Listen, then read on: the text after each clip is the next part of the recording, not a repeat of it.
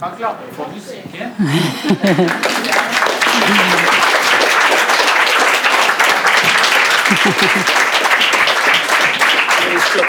Jeg sier det fordi det var min idé.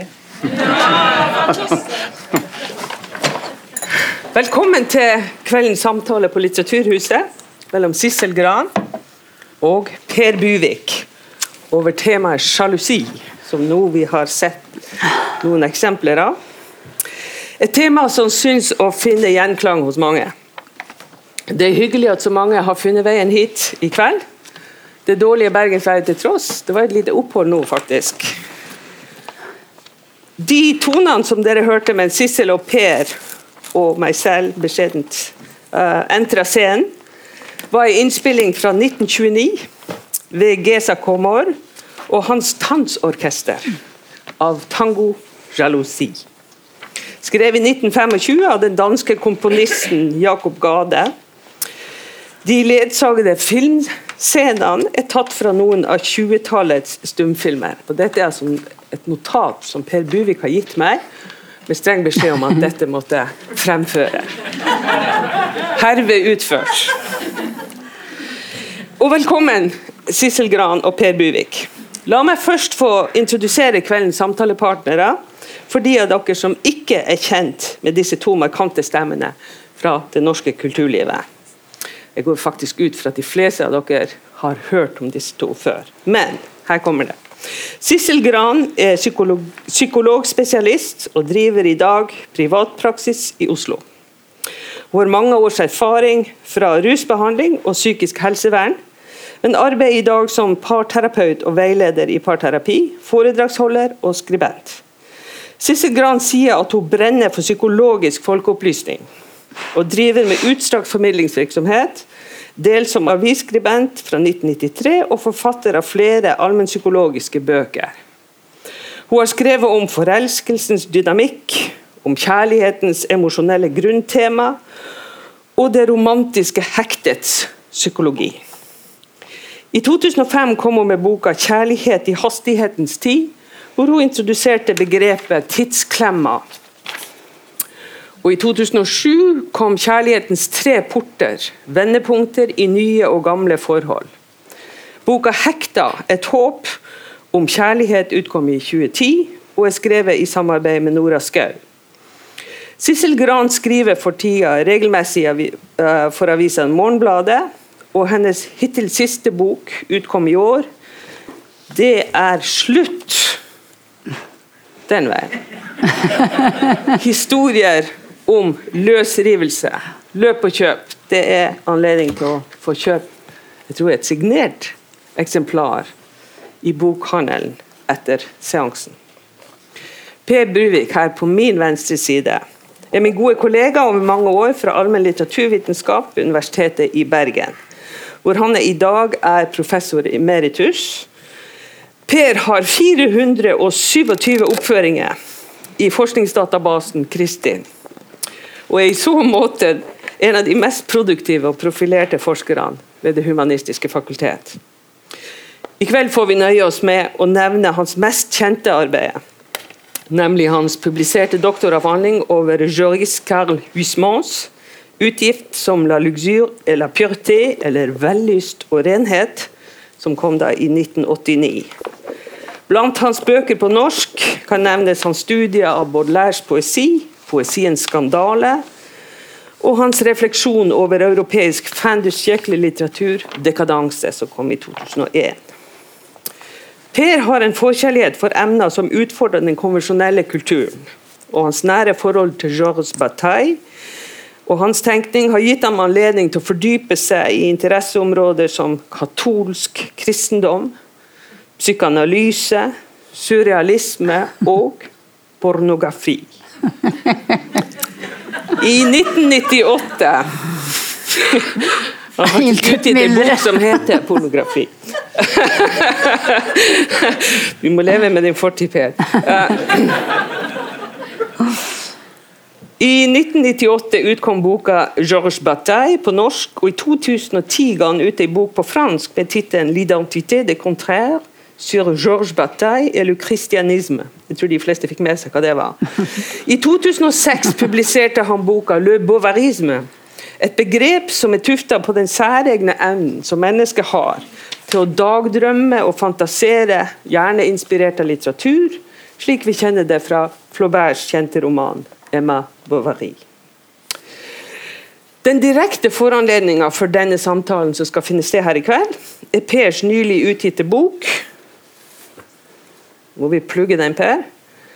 'Sjalusi uten grenser', hvor han foretar et dypdykk i litteraturen fra antikken til i dag, med fokus på måten sjalusi opptrer i de, i de utvalgte tekstene som han bruker, som spenner fra Evripides' greske tragedie 'Medea', William Shakespeares drama 'Othello', Leo Tolstoys novelle 'Kreuzersonaten', Amalie Skrams roman 'Forrådt', Georges Simenons roman 'Brev til min dommer', Marcel Prousts 'På sporet av den tapte tid', til samtidsromanene 'Om bare' av Vigdis Hjorth og 'L'occupation' av Annie Ernaux.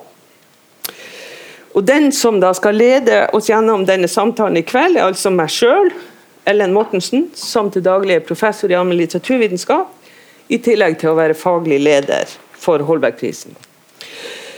Da skulle de formelle være på plass.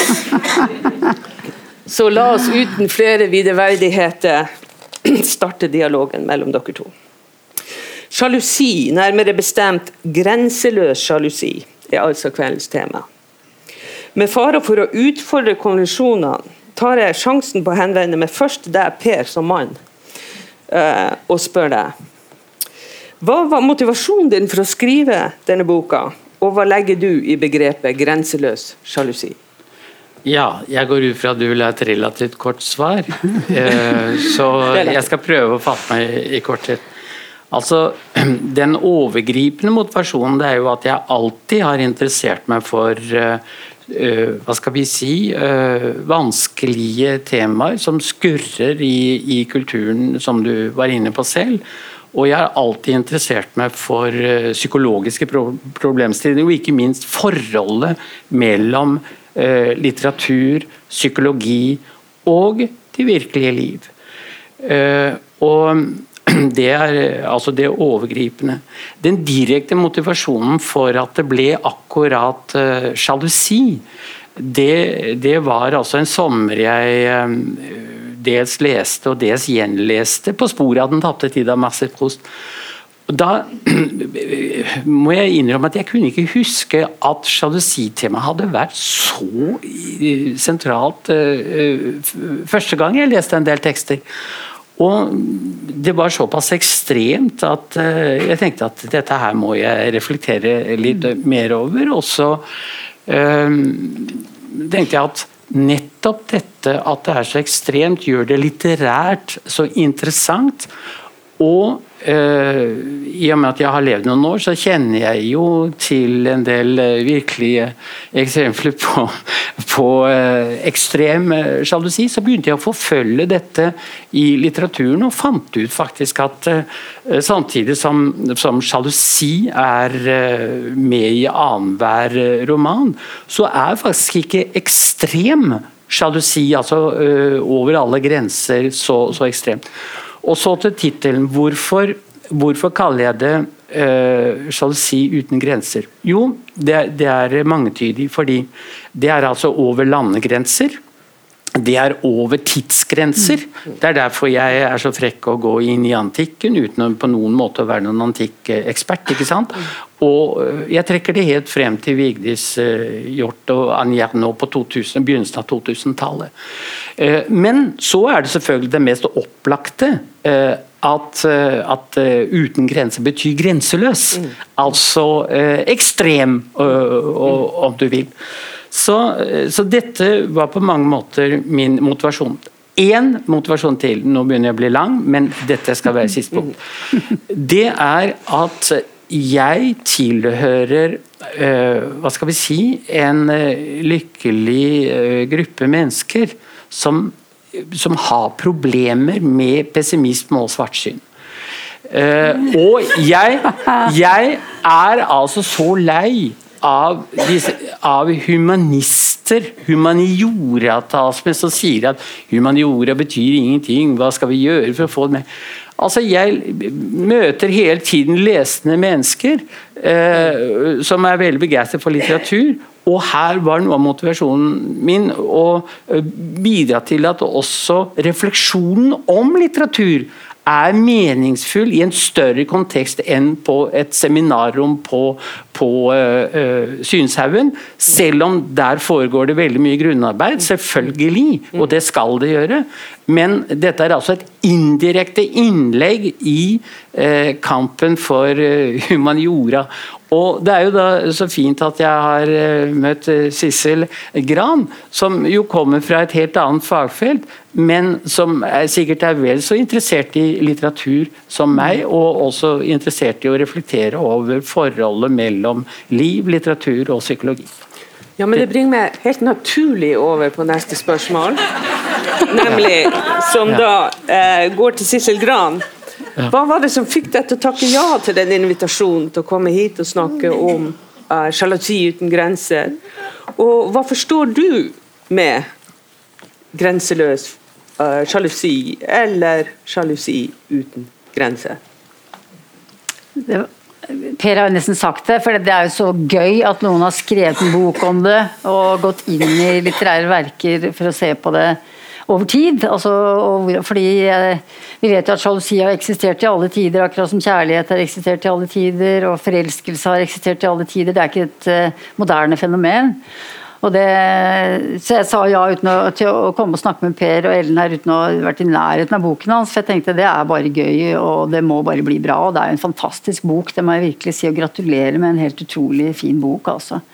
Som, og det er veldig fint for en psykolog som ikke er så vel bevandret i i de, ja, altså de eh, måte store verkene. Jeg jo, må jo innrømme med beskjemmet at jeg har jo ikke nylest Prost. Har alle her det, eller? Eh, men det har du, ikke sant. Og det er, det er, veldig gøy å få det presentert sånn som du gjør en rekke av de andre verkene som, som du presenterer på en sånn fin måte. Og du gjør det selv om du ikke er en svartsynt mann, da. Eh, som du sier, så presenterer du faktisk de sjalu på en veldig med stor sympati. Altså, du, snakker ikke om dem som idioter og at det er synd på dem, liksom, men, men er, du presenterer dem på en veldig vakker og fin måte, og det setter jeg pris på. For det, når man skal skrive, eller når man skal bedrive terapi, må man på en måte elske litt de man skal skrive om, og de man skal eh, hjelpe. Og så sier du helt innledningsvis du bruker liksom roten Celos å, og Du begynner veldig fint med det for å forklare oss som ikke har tenkt over det, hva det handler om. altså det som, som, handler om vilje til å overgå en annen, som ikke er så langt fra det sterke ønsket om å ville være den foretrukne, som er noe du kommer tilbake til om igjen og om igjen, som er helt identisk med hva vi opplever når vi jobber med par hvor det er sjalusi. altså Frykten for ikke lenger å være den foretrukne. Frykten for ikke lenger å være nummer én for den andre. altså Redselen for å miste den andres kjærlighet, interesse og oppmerksomhet. Og, og at det emosjonelle båndet skal ryke. Så det er veldig, det er veldig, veldig identisk med hvordan jeg tenker. Og så vet vi at kjærlighet er Folk spør hva er det for noe da? Jo, det er jo vekst. Altså, når du elsker en annen, særlig når du er forelsket, men også når du virkelig elsker en annen, så føler du at du blir større. Du føler at du utvides, for du integrerer den andre i ditt selv. Altså, rett og slett, en, du blir penere, f.eks. Og du blir høyere og mørkere og flottere og flinkere og det blir alt mulig sånn fint. Og det som er grusomt når hvis, denne, hvis du kjenner at denne prosessen begynner å reverseres fordi den andre ikke lenger ser deg, ikke er så oppmerksom på deg, så krymper jo selvet ditt. Og det som gjør at man blir forferdelig sjalu fordi man blir så forferdelig redd. Og man kan bli så redd at man kan drepe. Det er det jo faktisk noe som gjør. Ja, nå ble jeg også lang, men jeg er veldig på linje. Ja. Men det, det, bringer meg over, Per, til eh, Du fremhever i boka di verdien av litteratur. Gjerne i kontrast til det vi kan kalle den terapeutiske tilnærminga. Når det gjelder vår evne til å tenke nyansert om det du kaller følelseskomplekse sjalusi. Kan du dyp, utdype din argumentasjon litt her? Ja, det, det kan jeg gjøre. Og, og samtidig nyansere uh, akkurat det du sier om kontrast. Fordi eh, jeg tror eh, Sissel og jeg har i grunnen eh, noe av den samme åpningen til eller vendingen mot virkeligheten. Altså det, det, er forskjellige nivåer og det er forskjellige former for avvik som må takles på forskjellige måter. Og, men det er noe med litteraturen. og Der må jeg si at da fikk jeg en holdning som veldig ung, og det har jeg holdt fast ved. At litteraturen er en arena hvor alt kan sies uten eh, frykt for represalier. Det er nesten som på terapeutens rom. Ja. Eh, altså Der kan man si alt mulig. Og i er uten fare. Og i litteraturen så er det jo også slik at um, i hvert fall i det jeg ville karakterisere som god litteratur, så er det alltid flere stemmer. Uh, og det er alltid uh, Altså det er en uh, for eksempel, Jeg kan ta Tolstojs 'Kreuzersonaten', som er en fantastisk novelle som jeg har anbefalt for alle sammen. der er det jo en ekstremt sjalu mann som uh, fører ordet i stor grad. Han dreper sin kone, uh, sin kone, på slutten. Og teksten lar oss forstå han på en måte. Mm. Men teksten lar oss også forstå i høyeste grad offeret. Eh, altså Den stakkars konen som blir helt uskyldig drept. Hun har sannsynligvis ikke bedratt mannen i det hele tatt, som han skylder henne for. Det er eh, uvisst, men sannsynligvis ikke.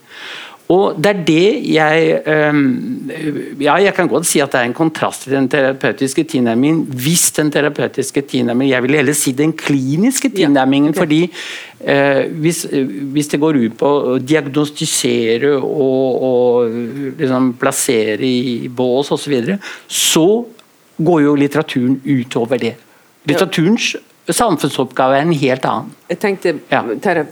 terapien som reparasjon mm. over noe som er som er, er, er skadet. Ja, litter. Litteraturen reparerer ingenting.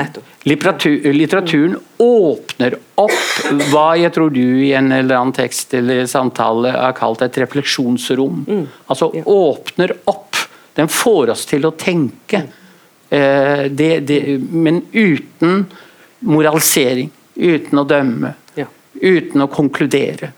Nettopp. Og jeg tror jo da, jeg kan spørre deg med en gang eh, Jeg tror jo at en god terapeut, du f.eks., jeg tror at det er mye det dere driver med òg.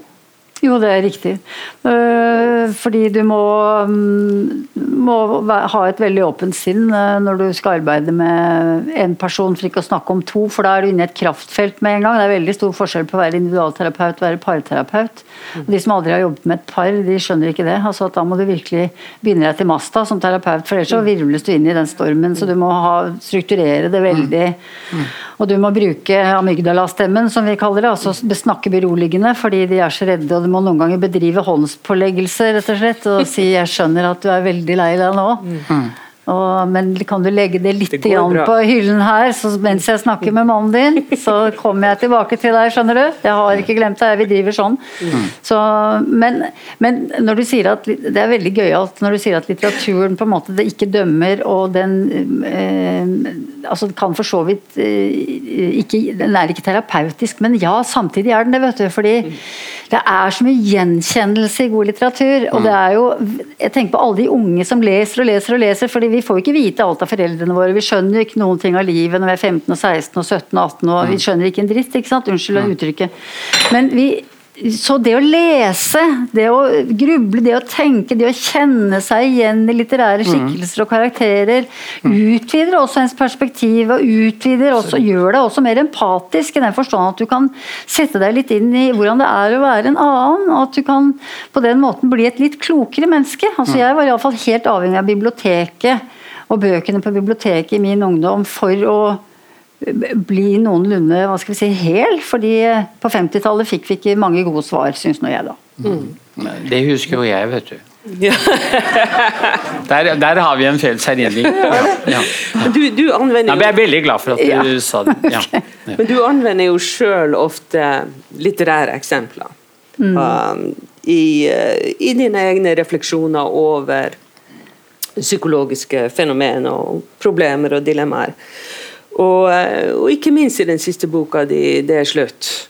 Um, men har du noen betenkeligheter med å, å, å, overføre disse fiktive elementene fra litterære verk som om de var eh, empiriske eksempler, eller eksempler fra virkeligheten? Eh, er det ikke en slags et nivåforskjell, eller lar det seg direkte overføre? Og, og kan du gjøre det med alle typer litteratur? Du vet at denne boka, Jeg ville ikke bruke klienthistorier, for jeg syns at det gjøres litt for mye i, i, av terapeuter som også skriver allmennpsykologiske bøker. Eh, så jeg, så jeg, har intervjuet eh, såkalt vanlige mennesker, altså ikke klienter. og så er det, Men det som er Så kommer på en måte de litterære eksemplene som et, som et tillegg. Altså, fordi jeg syns jo ofte at litteraturen kan gjøre historier litt tykkere.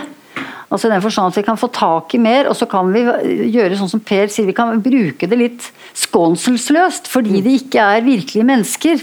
Så vi kan uh, låne fra et kjempetilfang av uh, av uh, god psykologisk ikke-faglitteratur. Mm. og uten, litt uten hemninger. Og det, er, syns jeg er vidunderlig med å bruke um, litterære eksempler. Fordi du, du krenker ingen. Altså, du, mm. eh, du, bruker ikke en klient som du har hatt tillit til, selv om du da omformulerer og anonymiserer til krampa tar deg, så, du, så er det allikevel et Ikke et overgrep, jeg vil ikke kalle det, men lite mm. grann, kanskje. Eh, så, så, når man da i stedet bruker litterære karakterer og intervjuer med mennesker som vil intervjues, mm. og som ikke er klienter, så føler jeg at de er på litt mer etisk tørr grunn, da, hvis dere skjønner hva jeg mener. Mm. Jeg kan jo bare føre det samme spørsmålet litt videre til deg også, Per. For du har jo da innledningsvis sagt at dette er indirekte en debatt om eh, viktigheten av humaniora, for livet. Altså, mm. og, og eh, hvordan eh, altså Du prøver jo noen ganger, eller du gjør det vel direkte også i boka di, eh, glir fra de litterære verkene over til virkeligheten, til hvordan ting er i dag, og sammenligner osv. Eh, kan man bare bevege seg sånn på tvers av tekster og liv og eh, antikken og i dag? Eh, er det noen betenkeligheter, eller, eller syns du at vi skal ta oss friheter i det? Det har jo for så vidt gjort. Men... Altså, jeg, jeg, vil jo svare da at det er flere måter å gjøre det der på. Ja. Men uh, um, som Sisse Gran så var jeg også mye på, på, biblioteket, og da ble jeg i hvert fall overbevist om at uh, uh, litteraturen litteraturens fremste berettigelse er jo at den forteller oss noe om et fellesmenneskelig liv. Mm. Men du kan si at etter hvert som jeg er blitt eldre og skolert og, og, og blitt en profesjonsrepresentant osv., så, videre, så er jeg selvfølgelig eh, parallelt veldig opptatt av at eh, det er en kløft mellom den fiktive, imaginære verden og virkeligheten. Litt som Sissel akkurat sa. Uh, altså Det er jo ikke sånn at man kan, uh, man kan liksom uh, si at akkurat sånn er det. Fordi i litteraturen, det er tross alt et språklig kunstverk. Og det er mye mer sammensatt og mangefasettert. Mennesker i virkeligheten, heller, også mennesker på, på Sisses kontor, kan ikke fortelle en historie om sjalusi, sånn som Shakespeare gjør det i 'Otello' f.eks. Eller som, eh, som, en forfatter som jeg har fått veldig stor respekt for eh, under dette arbeidet. Eh, han som bare er kjent for Migré-bøkene sine, altså, men som også er en stor psykologisk forfatter, nemlig Simenon, belgieren Jacques Simenon. Den boken jeg skriver om der, det er jo også et stjerneeksempel på litteraturens uh, hva skal vi si, virkelighetsoverskridende karakter. Fordi uh, hovedpersonen er altså en landsbylege mm. som har kverket elskerinnen sin. Det mennesket han elsker overalt på jord. Hele romanen er identisk med et brev denne dømte Han ble jo dømt, selvfølgelig. Denne dømte mannen sender til sin dommer for å forklare ham at nei, han angrer ingenting. Det var helt riktig. Uh, hun måtte drepes for å leve, sier han sånn helt absurd. Vi skal ikke gå inn i detaljene. Men, uh, men faktum er da at Simenon har altså gitt stemme til denne uh, Vi må jo si forrykte mannen, da. Mm. Og det, det, er, det, er, litteraturens En del av det jeg kaller litteraturens storhet. Altså. Og det er formet uh, som et kunstverk, det vil jeg si. Ja. Det tar oss over på uh, Bear with me. Uh, jeg skal bare fortsette litt med, med Per, for vi kommer ja, ja. inn på en del av disse Jeg vil bare ting. innom den uh, moren til han karen der. Altså. Ja, men det får du lov til. Ja, det er bra. Ja, kom igjen. Kom igjen med Kom, kom nå. Vi, vi, ja, er det, alltid mor. vi kan... det er alltid moren som skal få det. Ja, ja, ja. Skyld, kom igjen, Sissel. det er en så interessant historie, det der. Altså, du har kalt det kapitlet 'Disponert for sjalusi' eller 'En besatt landsbylege som dreper' om George Simenons roman 'Brev til min dommer'. Og dette er altså en mann Den kom for øvrig på Bokklubben i Norge i sin tid, så noen ja. kan ha lest den. Ja, ja unnskyld. Ja, det går fint. Ja. Altså, dette er en, denne unge mannen Charles, han er da øh, Det er han som dreper, ikke sant? Ja. Han øh, er en øh, bondesønn. Faren øh, gifter seg med moren hans, og det er et hva skal vi kalle det? Fornuftsekteskap. Det er verre enn det, egentlig. Arrangert det på verste vis. Nesten tvangs. Ja, mm. nesten tvangs. Faren er ti år eldre enn moren. Hun må gifte seg med han fordi at hun kommer fra en familie hvor alt faller fra hverandre, og det er økonomiske årsaker. Hun gifter seg med denne mannen, faren til Charles altså. De får dette ene barnet. Og faren er en horebukk og en drukkenboll, skriver du her. Ja. Og så, uh, Som forsvinner ut av bildet, sånn mer eller mindre, som ja. du gjør hvis du er en horebukk og en drukken bolt. Ja. Og så, Som har forhold til alle mulige andre. Og så er han overlatt til mammaen sin. Ja, Charles, ja. Ja, gutten, lille gutten. gutten lille gutten er overlatt til mammaen sin. Og dette er, en, dette er et skrekkscenario. Uh, som vi også kjenner fra moderne tid. At hvis man på en måte blir overlatt til den ene forelderen som er igjen når den andre har forsvunnet, og den forelderen klamrer seg til sitt barn. På verste vis så uh, får vi en usunn relasjon mellom, det, mellom, moren og det barnet. Det får vi her. Han blir mammas lille lydige gutt. Hun bestemmer alt. Hun har pytt og panne i hans liv. Mm. Eh, og eh, etter hvert får hun ham giftet bort til en kvinne som han ikke er noe interessert i, og så dør hun i barsel, og så giftes han bort til en dame til som han ikke er videre interessert i. og Det er jo veldig viktig å ikke elske noen av disse, for han er jo mammas gutt. Han er substituttet for den mannen som hun ikke har. Og det er det verste som kan skje unger. At foreldrene klorer seg fast til dem og bruker dem som en sånn sutteklut, eller bedriver emosjonell incest, som vi kan kalle det. Er dere med på det? er forferdelig å si ja. det. men Skri, skriver du, Bruker du det uttrykket i Jeg har ikke brukt det i den boken, men jeg kom nei. på det, ja, gitt, da jeg leste du, går, dette. Du, du, kommer til å bli sitert her, vet du. Ja, ja, men dette bringer oss inn over på Freud. Ja. Og det bringer, men det bringer oss også inn på mora mi, skjønner du. Så det må vi komme til etterpå. Da. Eller, eller, ja, vi må la mora di ligge litt en stund. Dere, skal, dere må få det. Brennbart. Eller bestemora mi, rett og slett. Men vi kjeller jo alle noen mamboer ennå i dag. Men i de bok, Per refererer du gjentatte ganger til Freuds uh, berømte essay om noen nevrotiske mekanismer ved sjalusi, paranoia og homoseksualitet hvor Freud skiller mellom tre former for sjalusi. Den første, som er såkalt den normale, det er den rivaliserende. Ja. Formen. Den kjenner alle. Den kjenner. Det er ingen som ikke kjenner den. To, den projiserte. Ja. Og tre, den paranoide, som ofte er basert på vrangforestillinger. Ja, vi kan jo si, altså ja. Den, den sjalusi ved det er at man tillegger partneren, kjæresten, tilbøyeligheter til utroskap som man egentlig selv har. Ja, det er ved projisering. Det er veldig komplisert.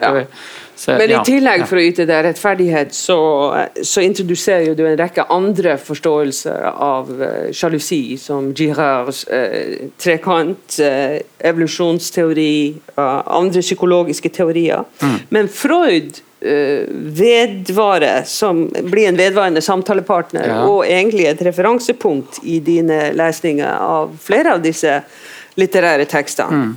Og kanskje særlig din lesning av Othello. Men kan du begrunne hvorfor du lar Freud og hans teori om psykoseksuell utvikling, som er noe av det du var inne på nå, og det ubevisstes rolle i denne utviklingshistoria? hvorfor får den en sånn fremtredende plass i din bok? Jo, altså jeg Helt siden jeg var uh, ung mann og, og leste eh, Freud og, og mm, var selvfølgelig da mest opptatt av litteratur, så, så har jeg ikke sett på Freud som en som man liksom legger oppå en litterær tekst, og så får man ut en fasit. Men eh, jeg har alltid sett det som, som parallell utfor, altså parallelle måter å utforske menneskelige, den menneskelige psyken på. Og det er slående Nå har vi akkurat snakket om eh, brev til min dommer av Georges Simenon, eh, 1946. Og jeg sier vel et sted, og det holder jeg fast ved, at jeg tror ikke at den romanen kunne vært skrevet uten kjennskap til Freud. Eh, fordi eh, eh, altså relasjonen til mor betyr jo veldig mye i den psykoanalytiske utvikling. Men så er det også psykoanalysens begrep om det ubevisste. Og det syns jeg, det synes jeg slår inn i, i mange litterære tekster. Når det gjelder men det er jo litterære tekster hvor det passer veldig dårlig. Jeg syns ikke det passer noe særlig å foreta en uh, psykoanalytisk inspirert lesning av Medea f.eks. Det, det syns jeg ikke, fordi der er det helt, helt andre ting. Og den siste romanen jeg tar opp som jeg håper vi, det, det, det syns du også, Sissel, at det må oversettes til norsk. Den heter altså uh, på fransk uh, 'L'occupation', uh, på, på engelsk, den er oversatt til engelsk, 'The Occupation'. Der passer det heller ikke å bruke Freud, ikke sant. Uh, Men, men jeg synes uh, sånn hos Proust, hos Simenon, og ikke minst der i Otello. Fordi Otello er et eh, interessant eksempel. Altså Psykiaterne kastet seg tidlig over Otello. De skapte et begrep som het Otello-syndromet. Og Otello-syndromet det eh, innebærer da at man er eh, paranoid. Man ser eh, bedrag, utroskap, ved høylys dag. Og det er ingen som får en eh, bort fra mistanker og nærmest subjektiv visshet. Altså man tror man vet at den andre bedrar en. Men i, i forbindelse med, med Freud og Otello, da, så, så er det interessant at eh, eh, denne eh, denne paranoide formen for sjalusi som Freud er opptatt av, den, eh, den har dels et eller ubevisst substrat, og den er jo dels fremkalt av den onde Jago, som sikkert mange her har sett på nasjonal scene for ikke så veldig mange år siden. Eh, så eh, altså jeg, jeg alltid syns det har vært interessant med, med Freud i, i denne åpne, helt fordomsfrie utforskningen av, eh, av eh, den menneskelige psyken, og ikke minst av seksualitetens eh, plass i utviklingen av den menneskelige psyken. Altså. Og det er der, der synes jeg han, dikterne og han møter hverandre veldig ofte, forbløffende ofte, syns jeg. Ja. Ja. For det er jo Prost også, for eksempel. Ja. Ja. Ja, men det er jo akkurat i din lesning av Othello at uh, du kommer inn på dette med den seksuelle ambivalensen. En ting er sjalusien i forhold til hans begjærsobrekte Desdemona. Ja. men eh, Konen. konen ja. Ja. Men uh, her antyder du også, da med en slags base i Freud, Mm. at der oppstår en, en, en homoerotisk uh, dimensjon i Othellos uh, sjalusi, ja. som er knytta til Cassio. Ja. Vi skal Ja. ikke gå for detaljert inn i det eh, av, av hensyn til forsamlingen her, fordi i min bok så er det egentlig ikke så uh, altså Jeg går jo litt sånn detaljert til verks, men det er ikke som, du bør ikke være redde folkens, over at det blir for detaljert. Eh, men, jo men det er jo, det er jo veldig interessant at det i dette dramaet utspiller seg også et mannlig trekantdrama.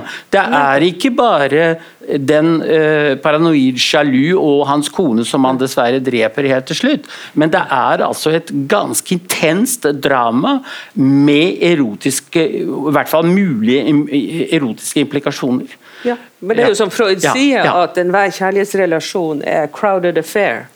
Det er mange involverte parter her. Veldig godt uttrykk. uttrykk. ja, Det, skal men- de, det, det, det, skal de som møter sin første i kveld være klar over.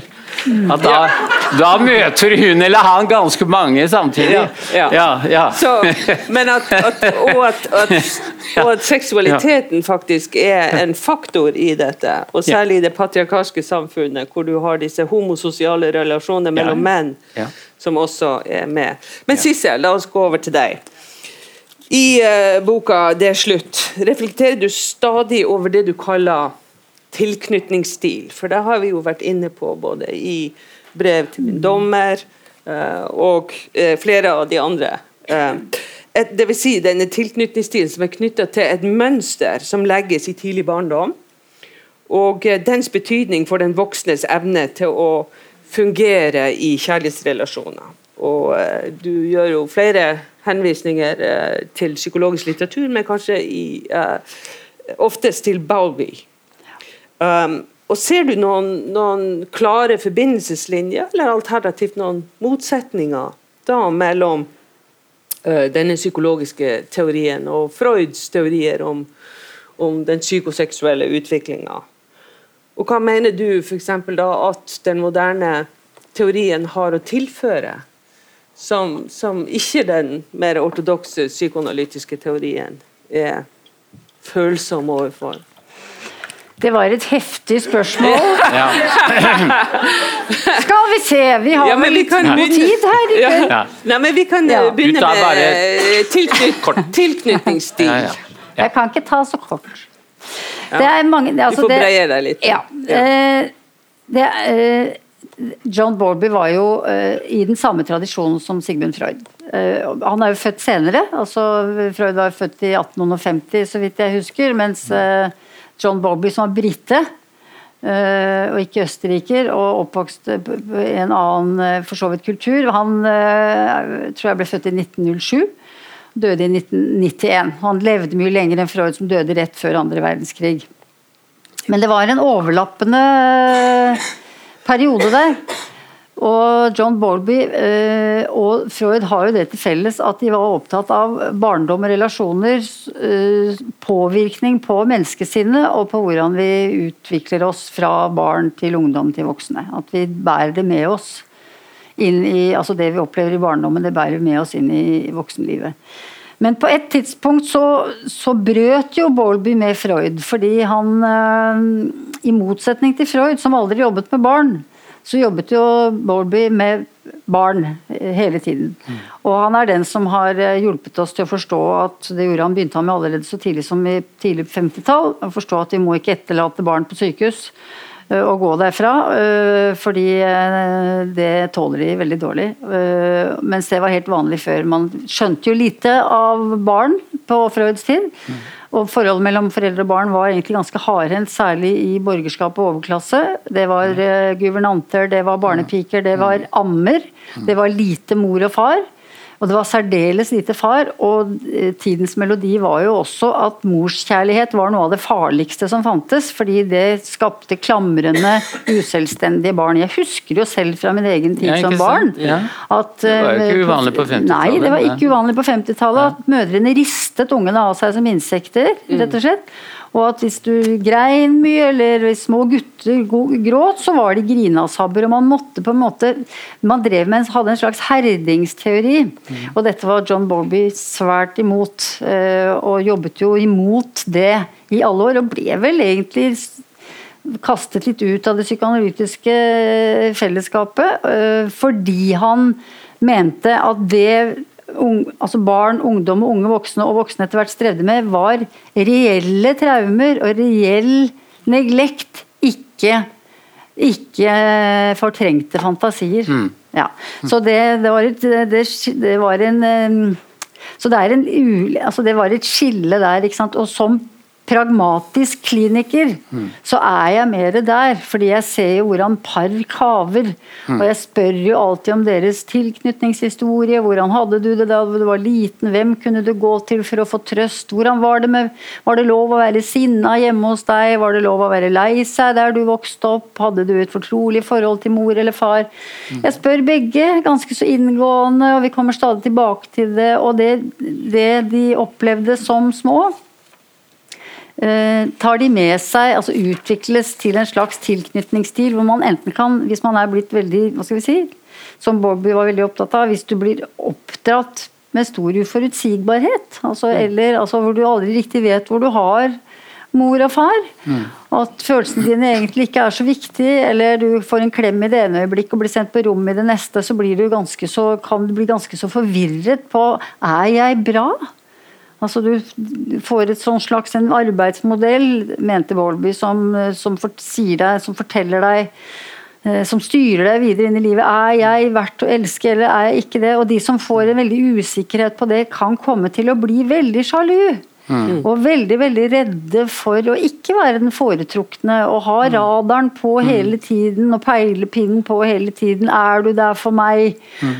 eller er du ikke der for meg? Kan jeg stole på deg? Og jeg har jo jobbet med mange sånne par hvor den ene har veldig mye av det der, og hvor det er fortvilende for den andre parten, som faktisk da ikke har gjort noe galt, ikke har hatt noen andre, ikke, gjort, ikke har svin på skogen i det hele tatt, men som, hvor den veldig engstelige den som har den engstelige tilknytningsstilen pga. en oppvekst som kanskje ikke var så bra, aldri klarer å falle til ro.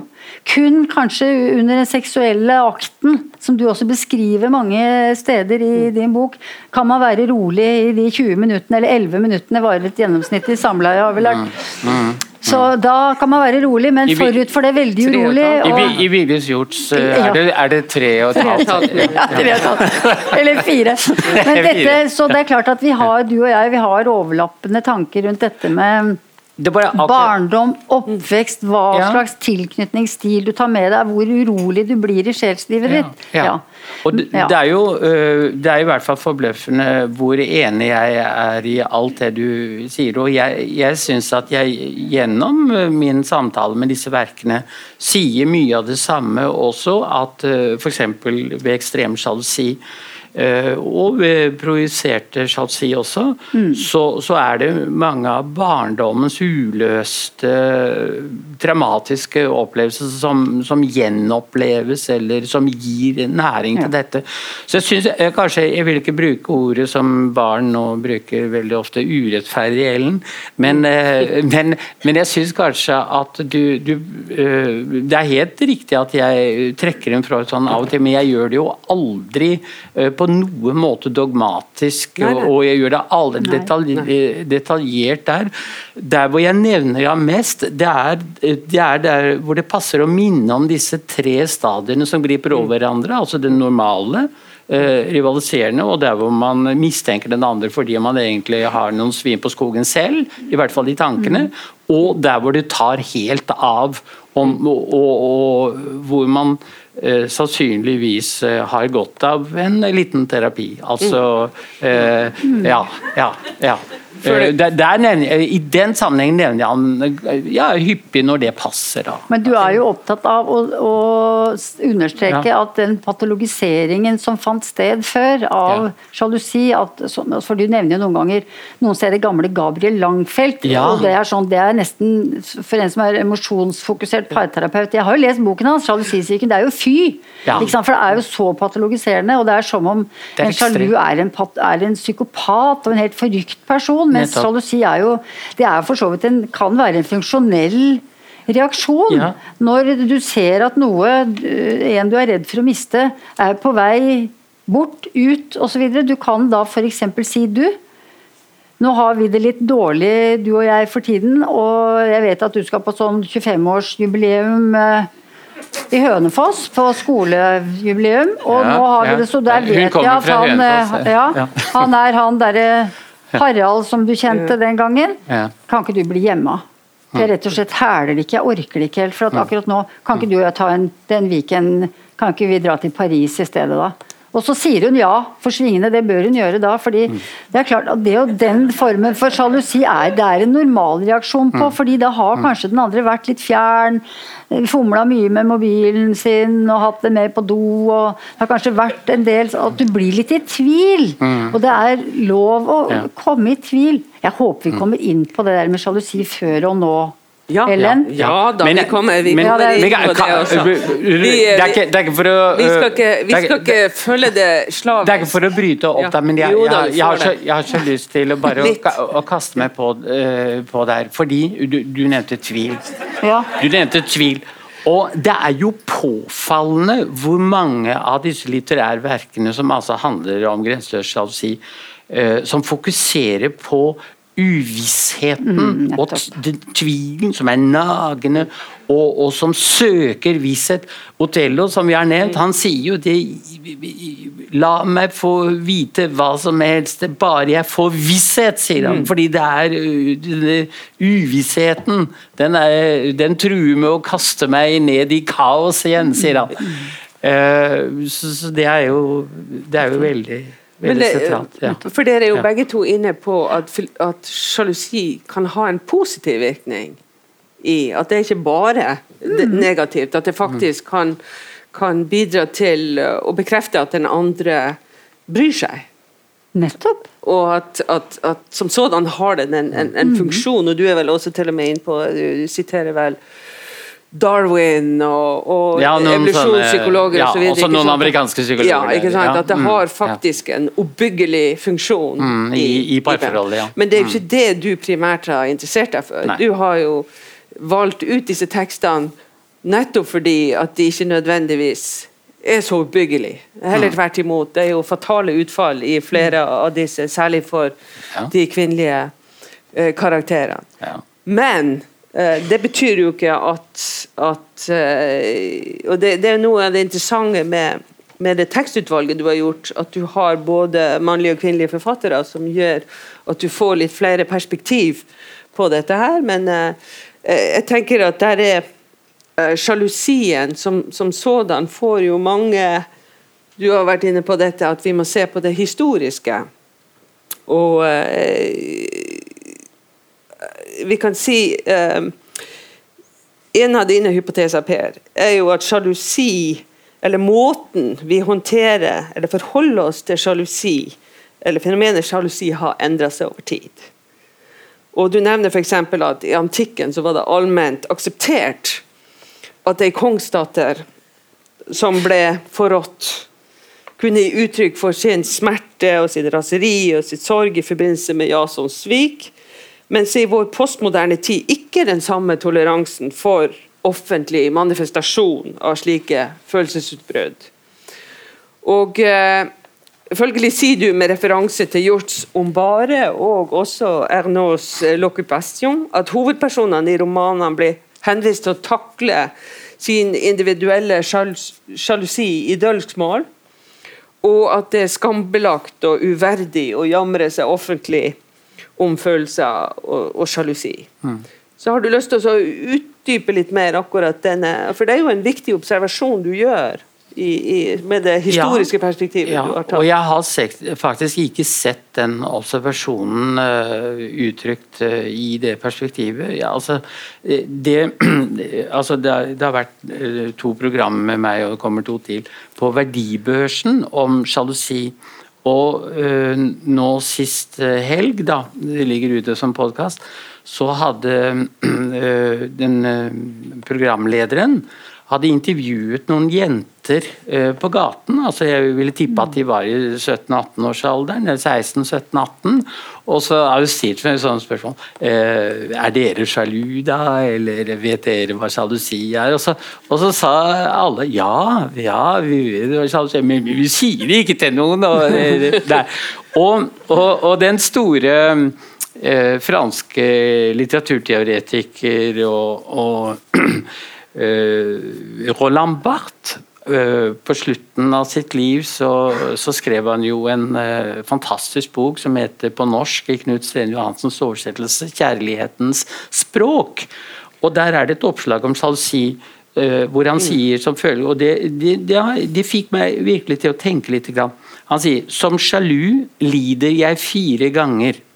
Fordi jeg er sjalu, fordi jeg bebreider meg selv for å være det, fordi jeg er redd for at min sjalusi skal gjøre den elskede vondt, fordi jeg lar meg tyrannisere av noe banalt. Mm.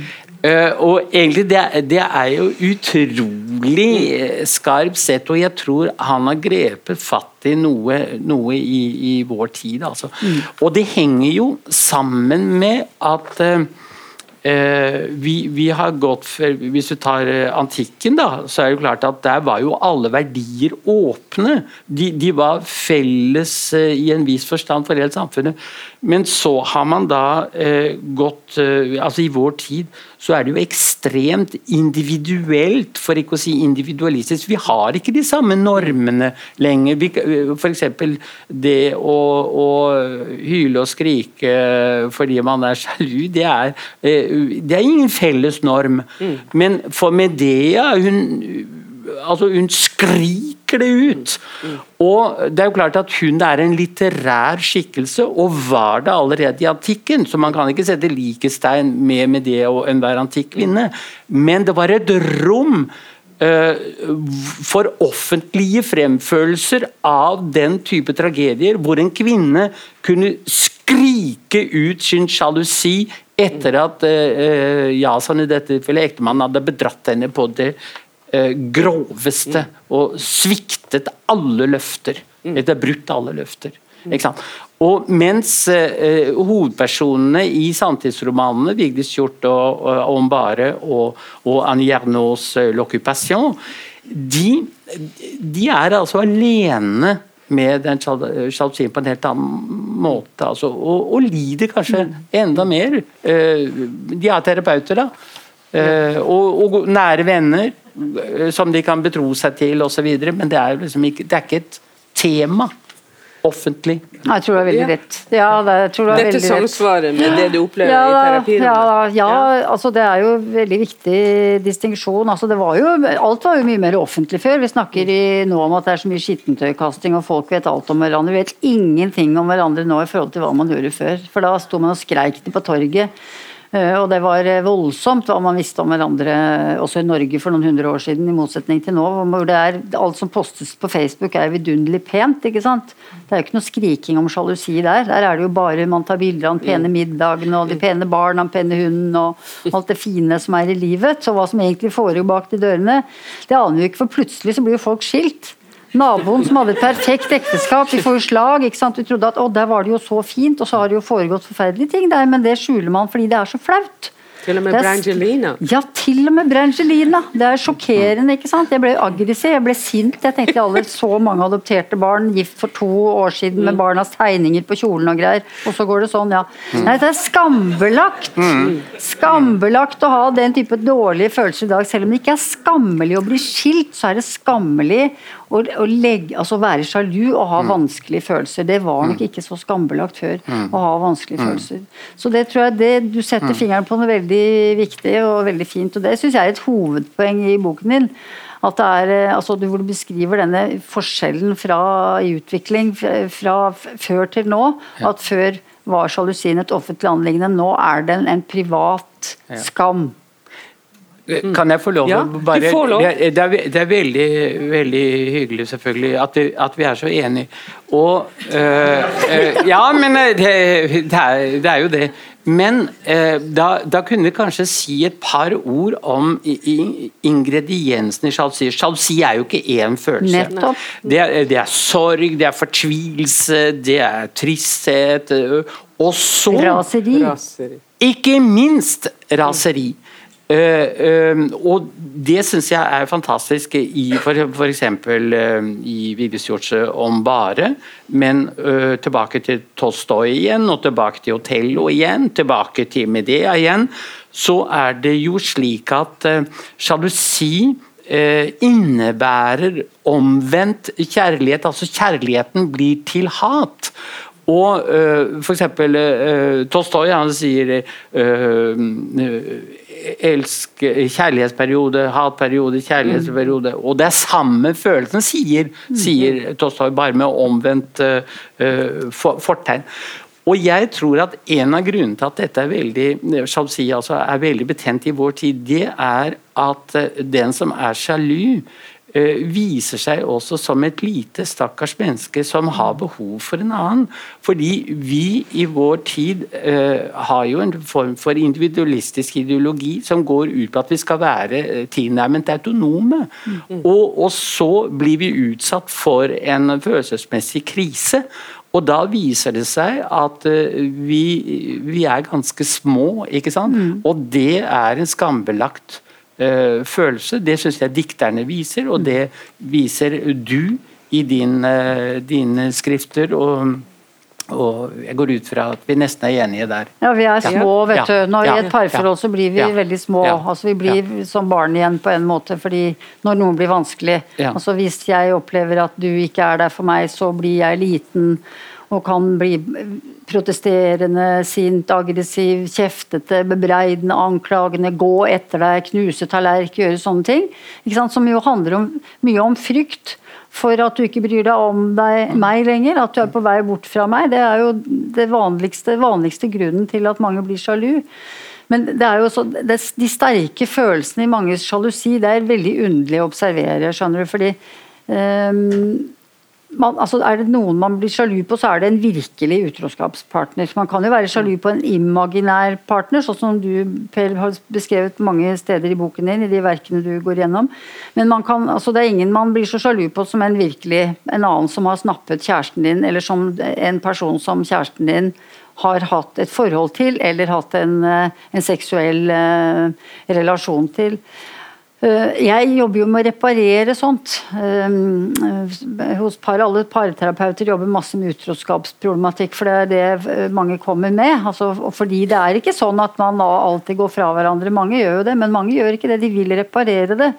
Og det som er interessant når man er så redd, sint, sjalu, fortvilet, alt dette, det er at man blir også veldig begjærende. Mm.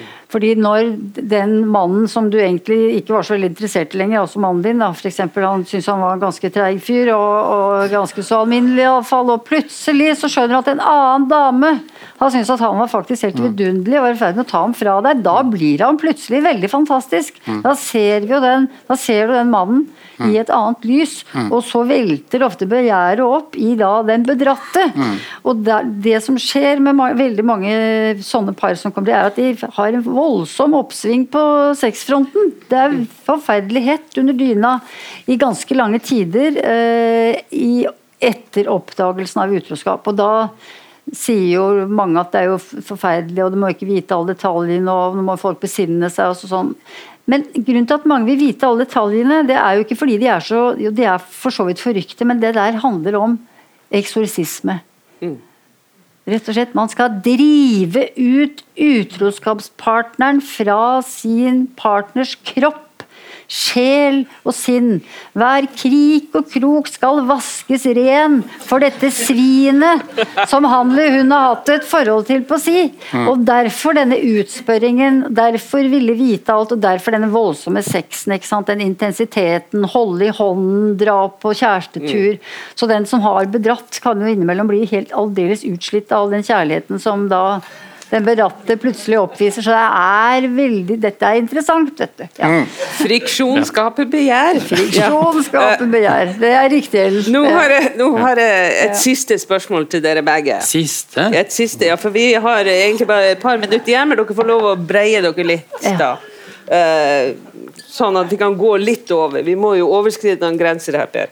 Ja. Uh, en av de observasjonene som, som jeg, jeg gjorde meg når jeg leste begge disse bøkene, uh, er at uh, det avtegner seg et bilde av sjalusi som fremviser visse kjønnsforskjeller.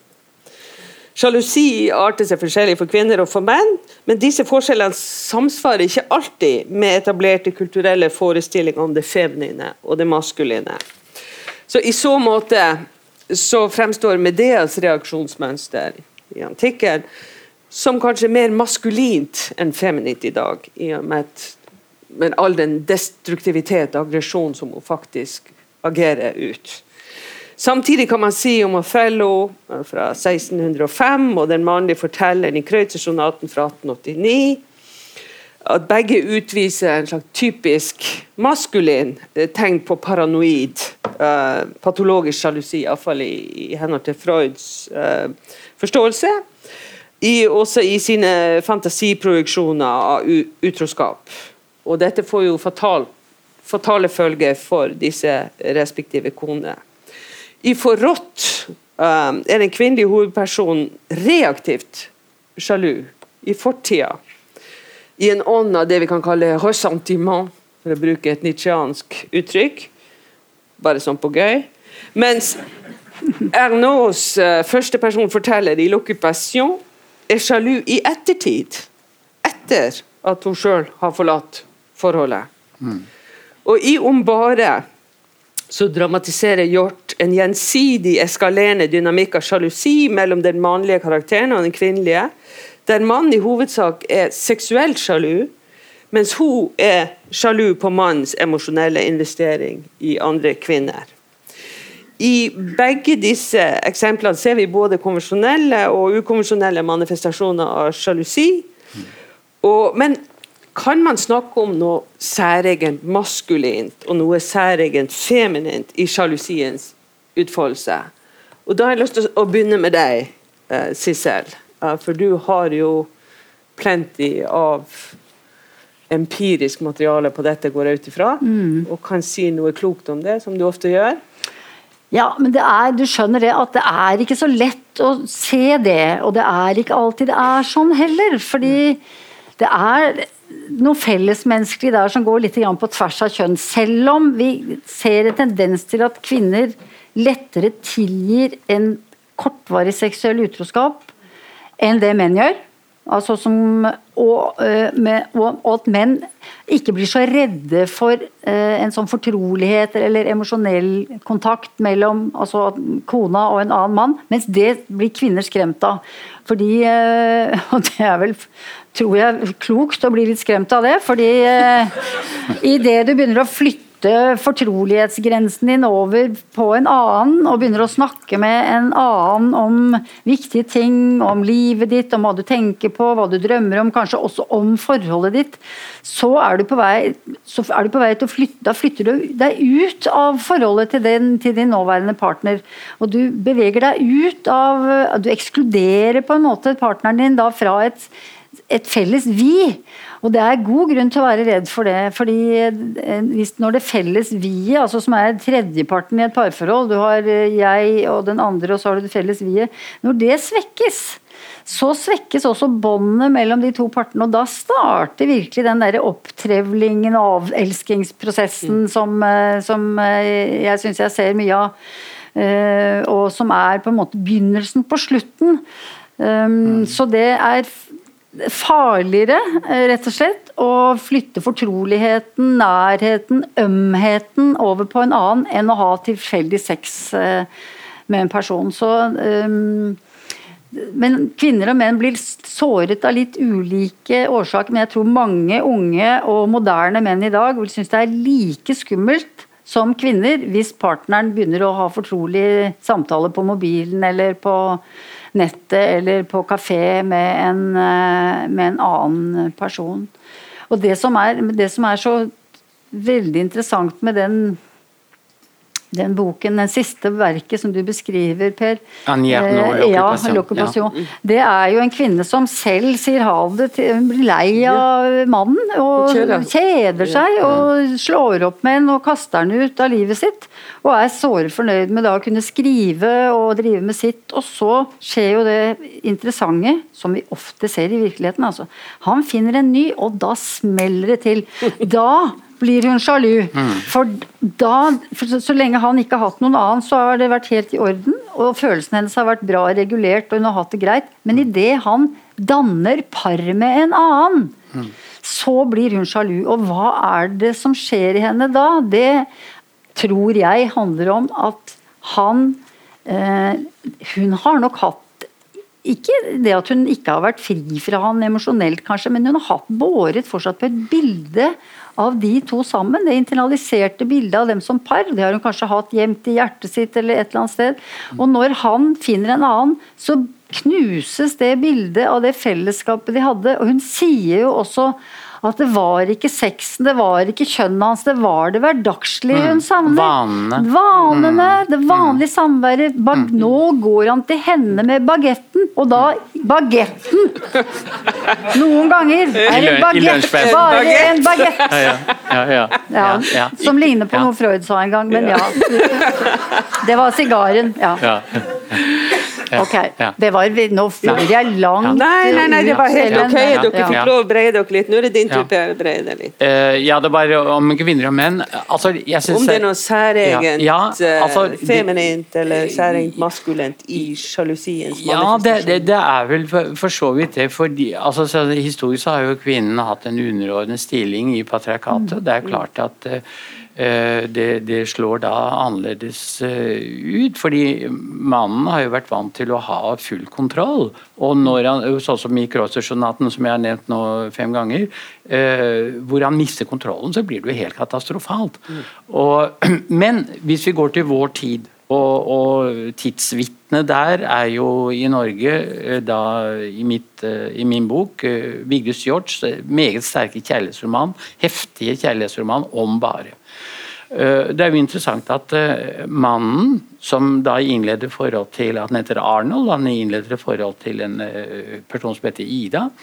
Og Han tenker seg vel dette som en slags one night stand, men hun blir hekta, for å bruke Sisses begrep. Han er veldig rar og veldig forskjellig fra alle menn hun har pleid å falle for, men hun er i ferd med å gå ut av et ekteskap, hun er, hun er klar for et, en ny relasjon. Men Hun er førforelsket. ikke hun er førforelsket, Ja. det er det hun er. Men, men Arnold han er en luring, fordi, fordi han, han gir ikke ved dørene, men han holder henne sånn passe varm. Eh, og han sier at han har ikke tenkt å gå ut av sitt ekteskap, sånn som hun er i ferd med å gå ut av sitt, og har bestemt seg for å gå ut av det. Men eh, så går jo Arnold ut av sitt ekteskap. Og da viser det seg altså at hans sjalusi, og han er mann, ikke sant? Det er en sjalusi veldig altså kvinnelig på en måte ut fra dine antydninger, fordi det er ikke først og fremst fordi han da tror at hun knuller med alle mulige slags mannspersoner du møter, men det er dette du snakker om, det er fortroligheten, det er fellesskapet som de andre oppnår osv. Og øh, denne mannen han blir jo øh, som et lite barn. Han blir så, fordi han er så usikker. Han, han får ikke bekreftet at han er skikkelig og evig nummer én. Nummer én ikke sant? Så øh, der vil jeg si at uh, Det får jo ikke hun heller. Får jo ikke Ida heller. Nei, hun får heller ikke det. Hun, hun får heller ikke det, men hun er liksom sjalu hele tiden. Ja. eh, fordi han uh, påviselig bedrar henne. Men hun Ja, osv. Altså, jeg syns det er veldig vanskelig å hamre fast eh, det er mannlig, det er kvinnelig. Det endrer seg over tid, uh, syns jeg. Og eh, sjalusi, all sjalusi har noen faste ingredienser. Altså, man vil være den foretrukne, man ønsker ikke å miste den man elsker. Man vil være nummer, nummer én i relasjonen. Og det er jo det du ja. sier. Og så er det én ting til som verken Freud eller veldig mange andre tenker på. vet du. Og du er så vidt inne på det, fordi du bruker ordet altså fordi du ser på Prost en av hans altså, bøker som heter mm. 'Fangen'. Og så er du inne på det selv også fordi eh, det er en veldig sterk fysisk komponent for sjalusien som ikke handler om begjæret, men som handler om at kroppen og hjernen eh, går, altså, går i loop. Mm. Du, fordi den sjalu er kronisk urolig, mm. eh, vibrerende, fortolkende. Mm. Eh, og det er eh, det er rett og slett amygdala i hjernen som mm. går eh, amok.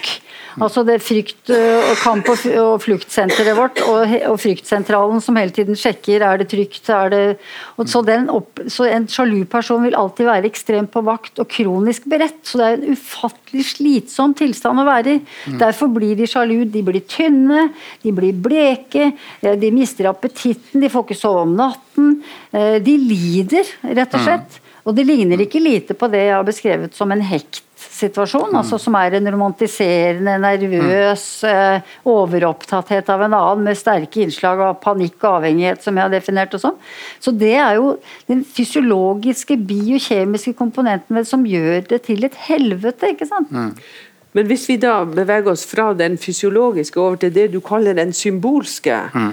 dvs. Si at i det postmoderne så er jo et av argumentene dine at det seksuelle har fått en, en opphøyd symbolsk funksjon. Mm.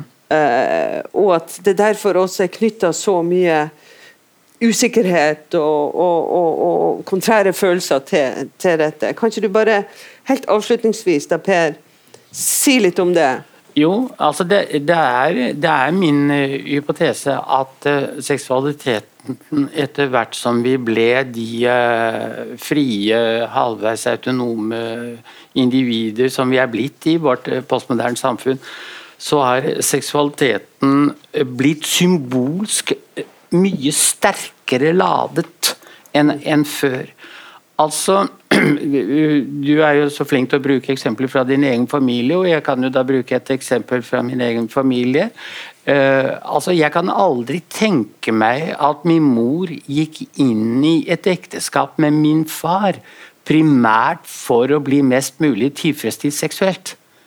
Uh, jeg, jeg, er helt, jeg er helt sikker på at hun, 22 år gammel, uh, ble seksuelt tilfredsstilt. Det har hun fortalt meg en gang. Men, men men jeg er helt sikker på at hun så sin store oppgave i det å videreføre slekten, bygge opp en familie, sørge for at alt gikk eh, rundt osv. Det var masse rundt. Men, uh, og beskyttelse og trygghet? Selvfølgelig. Ja. Selvfølgelig. Ja. Ja, men jeg vil, jeg vil, bare si det altså, eh, og en, en, annen sanntidsforfatter som jeg er veldig glad i, som mm. du vet, er Michelle Welbeck, som er også er en sånn jævel. ikke sant? Han, han, skildrer jo eh, altså relasjonen mellom mann og kvinne i dag som primært en seksuell relasjon. Ja. Eh, for den er så symbolsk ladet. Går det dårlig med sexen, så, så, elsker du meg ikke. Eller går det dårlig med sexen, da kan ikke vi være sammen. Eh, ikke sant? Ja. Da fikk Per det siste ordet. Da, da fikk Per det siste ordet. Er sexen dårlig, så går alt på dunken. Ja. Så nå har vi kommet Nå har vi kommet til denne samtalens slutt. Jeg må få takke Sissel og Per for interessante og tankevekkende bidrag til denne debatten. Og jeg er sikker på at diskusjonen kommer til å gå livlig etter at alle har forlatt dette rommet. Og sist, men ikke minst, så vil jeg takke uh, publikum for oppmøtet. Alle de som sitter her, og alle de som er, uh, opplever dette uh, i streama, er det det det heter? versjon nede i biblioteket. Leve litteraturen! Ja.